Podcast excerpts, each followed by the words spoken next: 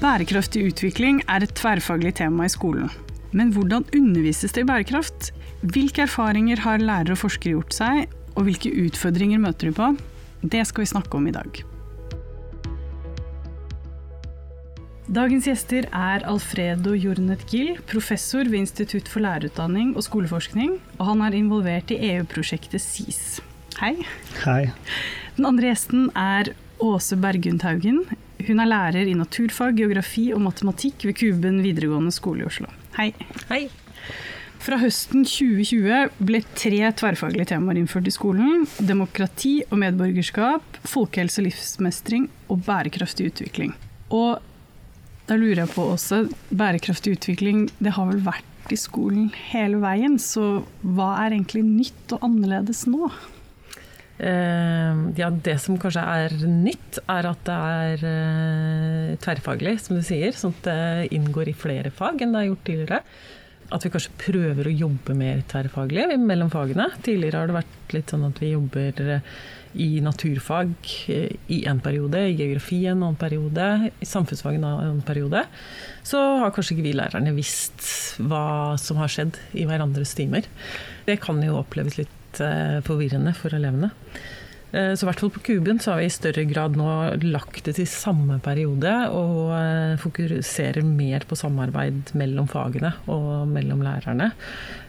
Fokuserer litt på andre måter å undervise på, som er ikke fullt så kunnskapsbasert, men mer at elevene lærer seg det faglige på egen hånd, sånn at de utvikler på en måte de ferdighetene da, til å finne ut og til å tilegne seg kunnskap sjøl ulike metoder for det. At vi fokuserer mer på det istedenfor å typisk forelese f.eks. For om hva bærekraftig utvikling er. Mm.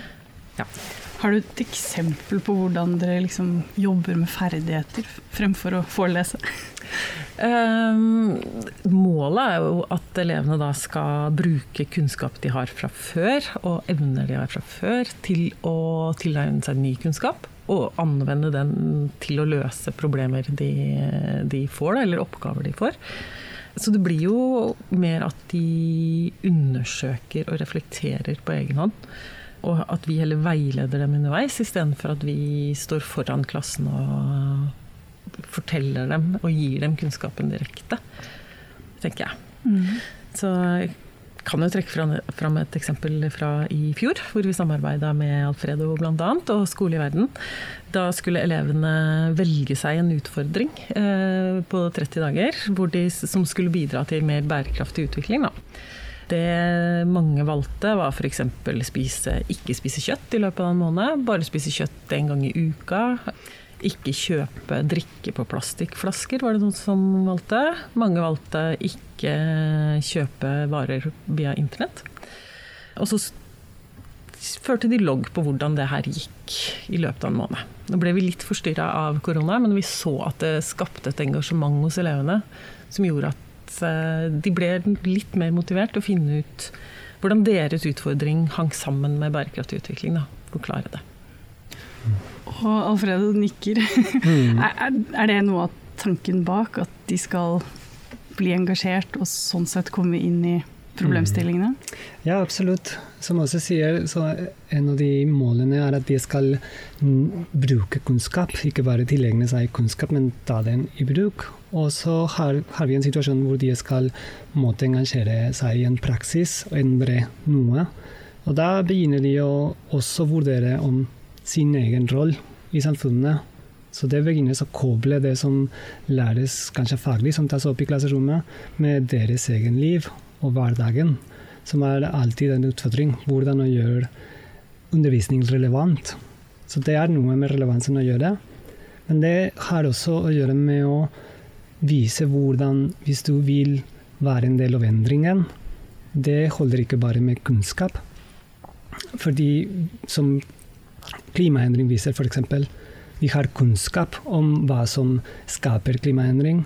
Vi har den vitenskapelige kunnskap som vi trenger for å løse noen av de problemene som vi har. Men det skjer ikke. Den, den handling skjer ikke nødvendigvis. Så hva, hva, skal til for at bærekraftig utvikling blir til en realitet? Og da begynner du, når du engasjerer deg i å endre deg, så begynner du å finne aspekter som finnes rundt deg, som hjelper eller ikke hjelper til en endring. F.eks. hvis du stopper å kjøpe mat og bor sammen med foreldrene, mat mener jeg kjøtt f.eks., så må du forhandle med foreldrene dine. Og da begynner du å gå inn i dialog med andre. Og så finner du utfordringer i butikker. Hva slags mat skal jeg finne? Så begynner du å forstå hvordan systemene rundt deg legger til rette eller ikke for endring. Da mm. begynner du å kunne ta opp i klasserommet aspekter som vanligvis ikke relateres nødvendigvis til naturfag eller andre fag, men som går på tvers av disse fagene, og som har relevanse i hverdagsliv, mm. og, og, som kan bli til den uh, sens av det som vi kaller agency, handlings, handlingskraft. Og hvordan gikk det da også med elevene? Hva syns de om å ikke spise kjøtt i 30 dager, eller ikke eh, shoppe i 30 dager? De valgte jo utfordringen sjøl, sånn at i hvert fall i den ene klassen, så var det der jeg var mest, da, så var det stort engasjement. Der var det veldig mange som valgte å ikke spise kjøtt i en måned. Så de syntes det var ganske gøy å finne oppskrifter og dele erfaringer. Og det bidro jo til en motivasjon. Så, men så kom jo korona, sånn at vi ble jo eh, stoppa litt. Eh, I, eh, og de ble stoppa litt i utfordringen sin sjøl. Så det var ikke alle som fullførte etter at de måtte være hjemme. Men så langt vi kom, så, så var det mors et morsomt prosjekt som elevene var med på, og skrev jo blogg hvor de skrev litt hvordan det gikk sjøl, så vi andre kunne følge med, og de kunne følge med litt på hverandres utfordring. Mm. Til slutt så skrev de jo også en eh, oppgave hvor de skulle svare på hvordan deres utfordring eh, påvirka bærekraftig utvikling. Og litt om eh, f.eks. produksjon, transport. Hvordan de som forbrukere kunne påvirke andre. Og der var de veldig flinke. Så jeg tenker at nettopp det som Alfredo sier, at det føles relevant for eleven. At det bidrar også til en motivasjon når vi da går over på teori etterpå. Mm. Mm. Men Alfredo, hvis du kan fortelle litt om dette SIS-prosjektet? Mm. Ja, så det handler eh, f.eks. om sånne opplegg, som 30 dagers utfordring, som er en del av prosjektet. Men det handler ikke bare om det. Det vi er interessert i, er å forske på hvordan kan vi til skolen til å stille seg om i den nye konteksten eh, når det gjelder bærekraftig utvikling, men også det tverrfaglige kontekst som kommer med fagfornyelsen. Og der har vi som premisse at for å stille seg i dette, holder ikke bare med å endre kunnskapen, som jeg repeterer ofte. Kunnskap er kjempeviktig, men det pleier å være litt sånn akademisk eller abstrakt kunnskap som det forstås som kunnskap, og handlingsrom og, og action eh, på engelsk så blir det ikke så, så lett å, å, få til ofte. Så vi er veldig interessert i å følge opp hvordan endrer seg skolen for å legge til rette for at fagfornyelsen gjennomføres. Og da ser vi på verktøy. Hvilket verktøy tas i bruk, og hvordan fungerer de? Og hvilke måter å snakke om ting, hvilke begreper tas opp. Når jeg sier verktøy, så kan det være en timeplan, den nye formen å organisere timeplanen. Fordi nå må vi samarbeide sammen, eh, samfunnsfaglærere og naturfaglærere. Men det er et rom for samarbeid ikke nødvendigvis er på plass.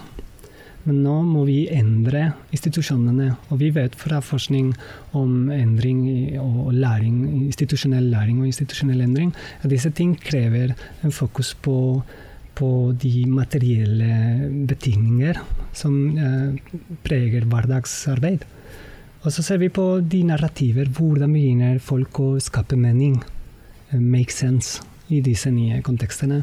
Vi vil dokumentere dette for å vise eksempler, for å vise hva som fungerer, hva som ikke fungerer. Bare spørre, Hva mener du med narrativer? Altså hvordan ja, hvem vi er i forbindelse med jobben vår, f.eks. For eksempel. Fordi plutselig, når du er en lærer som må undervise i den nye konteksten, så det også innebærer endringer i hvordan du ser deg som lærer. Mm.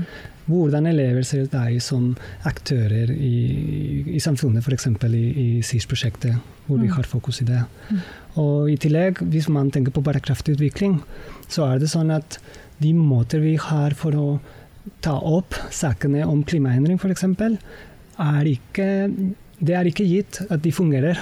For vi ser igjen og igjen at fortsatt må vi få diskusjonen opp på forskjellige måter for å få det til. Eh, så hva slags måter å snakke om disse ting fungerer, hva slags narrativer om forhold mellom mennesket og naturen mm. er eh, produktive i den retningen som vi syns eh, skal være. Og hvordan den politiske dimensjonen kommer inn. For da, ja.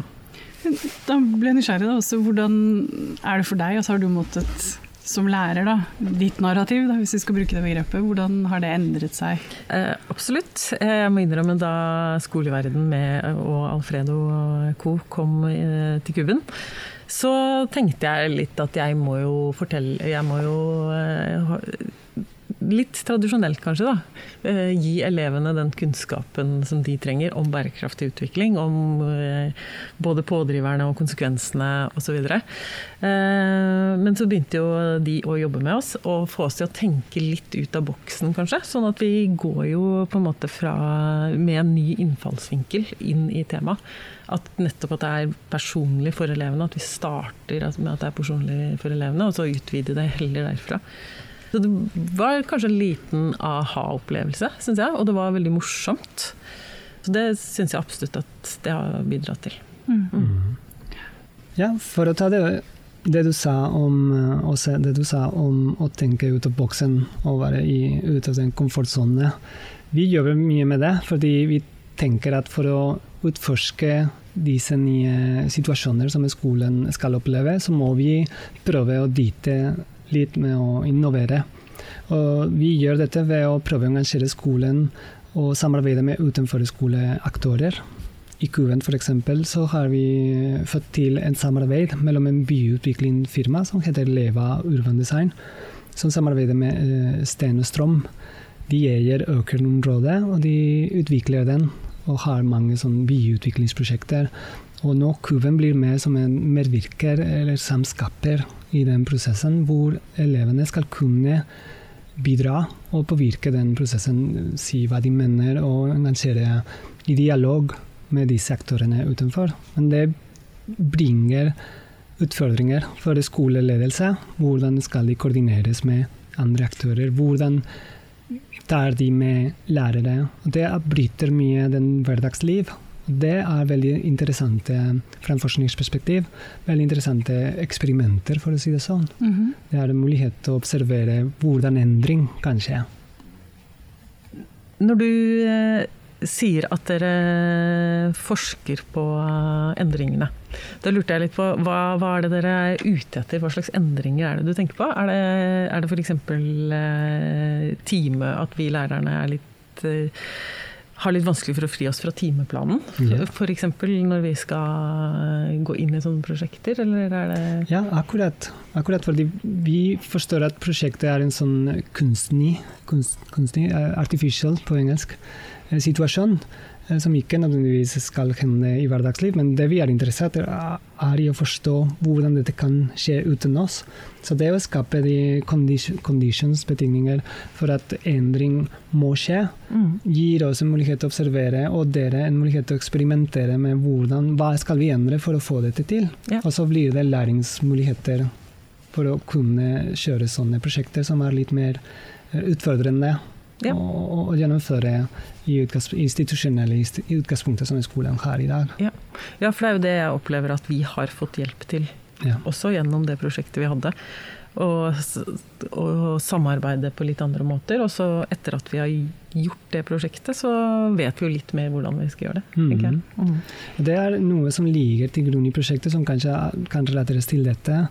Og det er en forståelse på hvordan endring skjer på flere nivåer. Eller det skal skje på flere nivåer. Og dette gjelder endring mot bærekraft, men også endring i institusjoner. Når du skal endre noe, så må du først og fremst eh, endre deg personlig. Du må forstå på nye måter hva din rolle er. Det er en personlig endring. Men for å få det til, så må du også få til at den politiske konteksten og den institusjonelle eh, rammer som du har rundt deg, lærer deg gjennomføre den nye rollen som du tar for deg. Og samtidig skal du kunne ha praktiske løsninger for å kunne gjennomføre det. Så det er det personlige, det praktiske og det politiske som vi er opptatt av å, å se på. Mm. Og her får vi på en måte det på to, uh, to sider. Både elevene gjennom det prosjektet som de har hatt, med egne utfordringer. Personlig, politisk og praktisk. Yes. Og vi lærerne når vi må endre undervisningen vår. Yes, Ja. Ja. Det er vel en parallell her da mellom hvordan skolen eventuelt er rigget, ikke rigget for å undervise i dette, på samme måte som hvordan samfunnet Mhm. er rigget, ikke rigget. Yes. Det er jo ganske interessant, eller det må være spennende for dere som forskere å sitte og se på de to tingene parallelt. Da. Yes. Mm. Og det er den, den metodikken vi bruker om, om å skape nye allianser mellom skole og utenfor skole, for da bryter du disse institusjonelle um, for å si det sånn, ståsteder som er uh, forankret for lang tid. Hvordan kan vi shake dem? ja. Men det virker som du syns det har vært fint å få være med på dette også.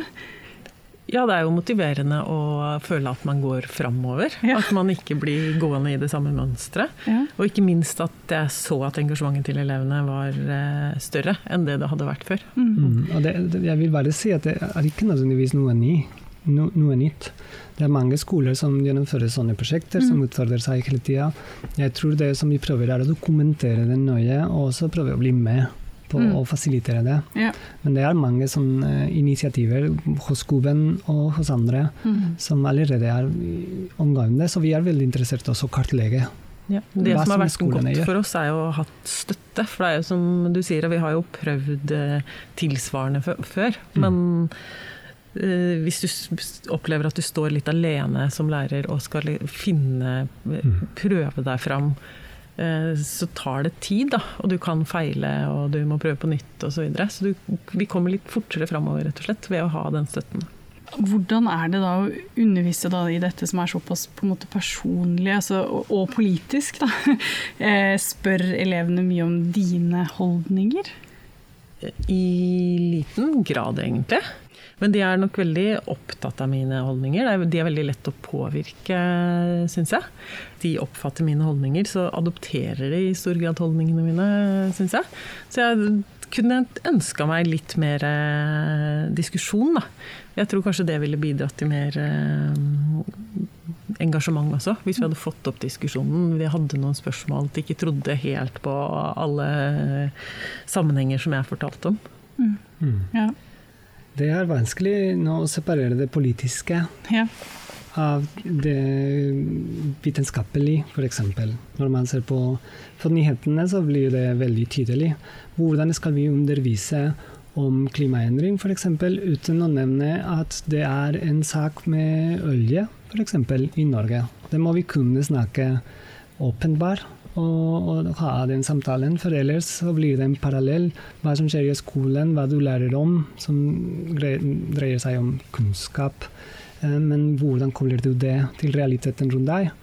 Det går gjennom å koble det direkte med det politiske. Så det er sensitiv og en utfordring for alle. Mm. Mm. Og så er det jo ikke mine holdninger jeg først og fremst vil at skal være i fokus. Det er jo elevenes holdninger vi vil eh, jobbe med, og Mm. som de selv skal reflektere over. Og, ja. Det har jo vært en del saker i mediene og i debatt, offentlig debatt om at barn og unge har såkalt klimaangst. Er det noe du har møtt på i din undervisning? Jeg har ikke møtt på det direkte, eller at noen har kommet og fortalt meg at de har det. Men det betyr jo ikke at de ikke har det. De kan jo ha det likevel. Jeg opplever vel mer at de ikke er så engasjert, at de ikke bryr seg så mye. Og det er derfor vi har hatt disse prosjektene, for å prøve å, å vekke dem litt. Eh, Men det vi kanskje har opplevd litt, er at de, er, at de er litt redde for å ikke gjøre det godt nok. Da. Og, at de fordømmer hverandre hvis de f.eks. kaster søpla i feil beholder. At de kanskje er litt sånn politi over hverandre, overfor hverandre. Men uh, ikke klimaangst i den forstand. Det har ikke jeg snakka med noen elever om. Ja, vi har også sett at det er uh, variasjon. Hvor mye de bryr seg eller ikke bryr seg. Og det oppleves veldig ofte som at vi er litt mer opptatt av det de egentlig er. Men uh, man kan tenke seg at dette er en sak som vi må ta opp uansett. Fordi først og fremst, som du sier også, vi vet ikke akkurat. Vi har ikke forsket nok uh, for å egentlig finne ut hvor mye dette rammer og, påvirker uh, hvordan elevene føler. Og også lærere, ville jeg sagt, for det begynner å være, som vi sa, en sak. Ikke bare politiske ting som er sensitive, men også når det gjelder fremtiden hvis vi skal snakke om Hvis vi ser på de prognosene som finnes, og hvis vi skal undervise egentlig om det kunnskap som vi ligger med, så er det ikke veldig lovende, dessverre. Mm. Det, ser, eh, det, ser, ut som at uh, hvis du ser på tallene, og hvis du ser på hva som skjer nå i California f.eks. med brannene, og hva som skjedde i fjor med, med Australia, og ikke, ikke, i fjor, det var ikke så lenge siden. Eh, så er det ikke veldig lovende. Hvordan skal vi eh, i utdanning håndtere en situasjon hvor framtiden, som er det vi utdanner for, begynner å være et spørsmålstegn? Vi vet ikke hva som kommer til å skje. Og da kanskje håp og, uh, og hvordan å ha en positiv stilling som lærer oss ta endring foran, er viktig. Så i den retningen så har vi F.eks. i Fredrikstad har vi en samarbeid også innenfor SIS-prosjektet med Fredrik 2. videregående skole. Der har de et prosjekt som de har kalt for Håp i plast. de samarbeider med en uh, utenforskoleaktør. De er en, en organisasjon, en organisasjon beklager, som heter uh, Håpets katedral. Og de bygger en, en katedral, uh, bokstavelig, mm -hmm. en ekte en, med plass fra havet. Dette er eh, Solveig Egeland og Annes Kaun. Eh, hun, eh, Solveig er en kunstner som lager sånne installasjoner. Og de samarbeider, skole samarbeider med dem eh, ved å rydde strander og, og, bidra til oppbygging. oppbygging. Mm. Og da er det sånn rettet mot håp å skape en kultur rundt håp. Der jeg har en ph.d.-student som ser akkurat på dette. Cultures of Hope i skolen. Ok, Så da skal elevene plukke plast mm. langs stranda, mm. og er med på å bygge en stor skulptur som er en katedral. Mm. Kan du fortelle litt mer om hvordan håp kommer inn her? Ja, um, for det første så er det en multireligiøs prosjekt. Uh, som kobler med det spirituelle, og hvordan vi har noe å forholde oss fra det perspektivet med det spirituelle, og ikke bare materielle, og ikke bare Eh, og fortsette med hverdagsliv. Det er et sted for refleksjon. Og da tenker jeg at de som eh, er eh, med på dette, vil gjerne lage et, et møtepunkt hvor fremtiden diskuteres. Hvor løsninger kan skapes sammen med håp som en orienteringsmål, for å si det sånn. Jeg tenker det, er, det høres ut som et veldig spennende prosjekt. Um, og så tenker jeg at håp er uh, viktig å gi elevene, sånn at de ikke gir opp. Eller tenker at uh, det jeg uh, gjør, det nytter jo ikke uansett. Samtidig så er det en balanse, fordi en del elever er ikke så engasjert, og de vet kanskje ikke så mye om hva konsekvensene av global oppvarming er. Hvordan det henger sammen med ekstremvær, f.eks skogbrannene som eh, vi har ulike steder eh, akkurat nå. Sånn at vi må vise de konsekvensene av mm. global oppvarming også, sånn at de, de, har den kunnskapen. Samtidig som de ikke blir så skremt og mister mm. alt håp. Og vi, ja, og vi må bli med på å gi dem verktøy for å kunne bidra, og se at de kan gjøre en endring. Mm. De kan bli med på å endre ting. Mm. Og skolen som institusjon, og lærere som, som yrke. At vi har makt, og, og vi har muligheten å gjøre ting. Mm. Men da må vi tørre det. Og så håper vi jo at uh, det prosjektet som vi hadde sammen, kanskje også var et uh, eksempel på nettopp det. At de, hadde en, uh, de tok utgangspunkt i sin personlige endring, mm. som har et bidrag her og nå. At de ser at det påvirker eh, positivt. Da. Eh, samtidig som de kunne påvirke de rundt seg, som Alfredo snakka mm. om i stad. Mm. Både familien sin og samfunnet rundt seg som forbrukere. Mm. Og da er det et av de verktøyene du snakket om, da. Det er Eller hva er de verktøyene? det kan være mange ting, mm. men det som skal være, er ting som man får til å bruke for noe. og ikke bare snakke i klasserom. Og så er det en, en vegg mellom klasserommet og verden. Mm. Og derfor, som vi ikke har sagt før, men du nevnte et par ganger også, at skole i verden er det navn vi har brukt eh, for å kalle det norske nettverket innenfor SIS-prosjektet. Og det akkurat peker på det. At vi ville skape mulighetsrom som kobler litt nærmere, litt nærmere eh, samfunnet og klasserommet. Og ikke bare fra en konseptuell eller intellektuell, intellektuell nivå, men også en praktisk nivå. Hvordan kobler vi det i praksis? Mm. Det er det vi vil um, understreke med verktøy. Tusen takk for at dere kom og delte og diskuterte dette i dag. Eh, takk. Takk selv. Det var veldig hyggelig. Takk selv. Det var spennende å være med. Takk for at du hørte på denne episoden. Jeg heter Elise Koppang Frøyd og har vært programleder og gjort research sammen med Magnus Heie. Shane Colvin har vært produsent. Du kan følge oss på Det utdanningsvitenskapelige fakultets Facebook-side for mer informasjon. Vi høres.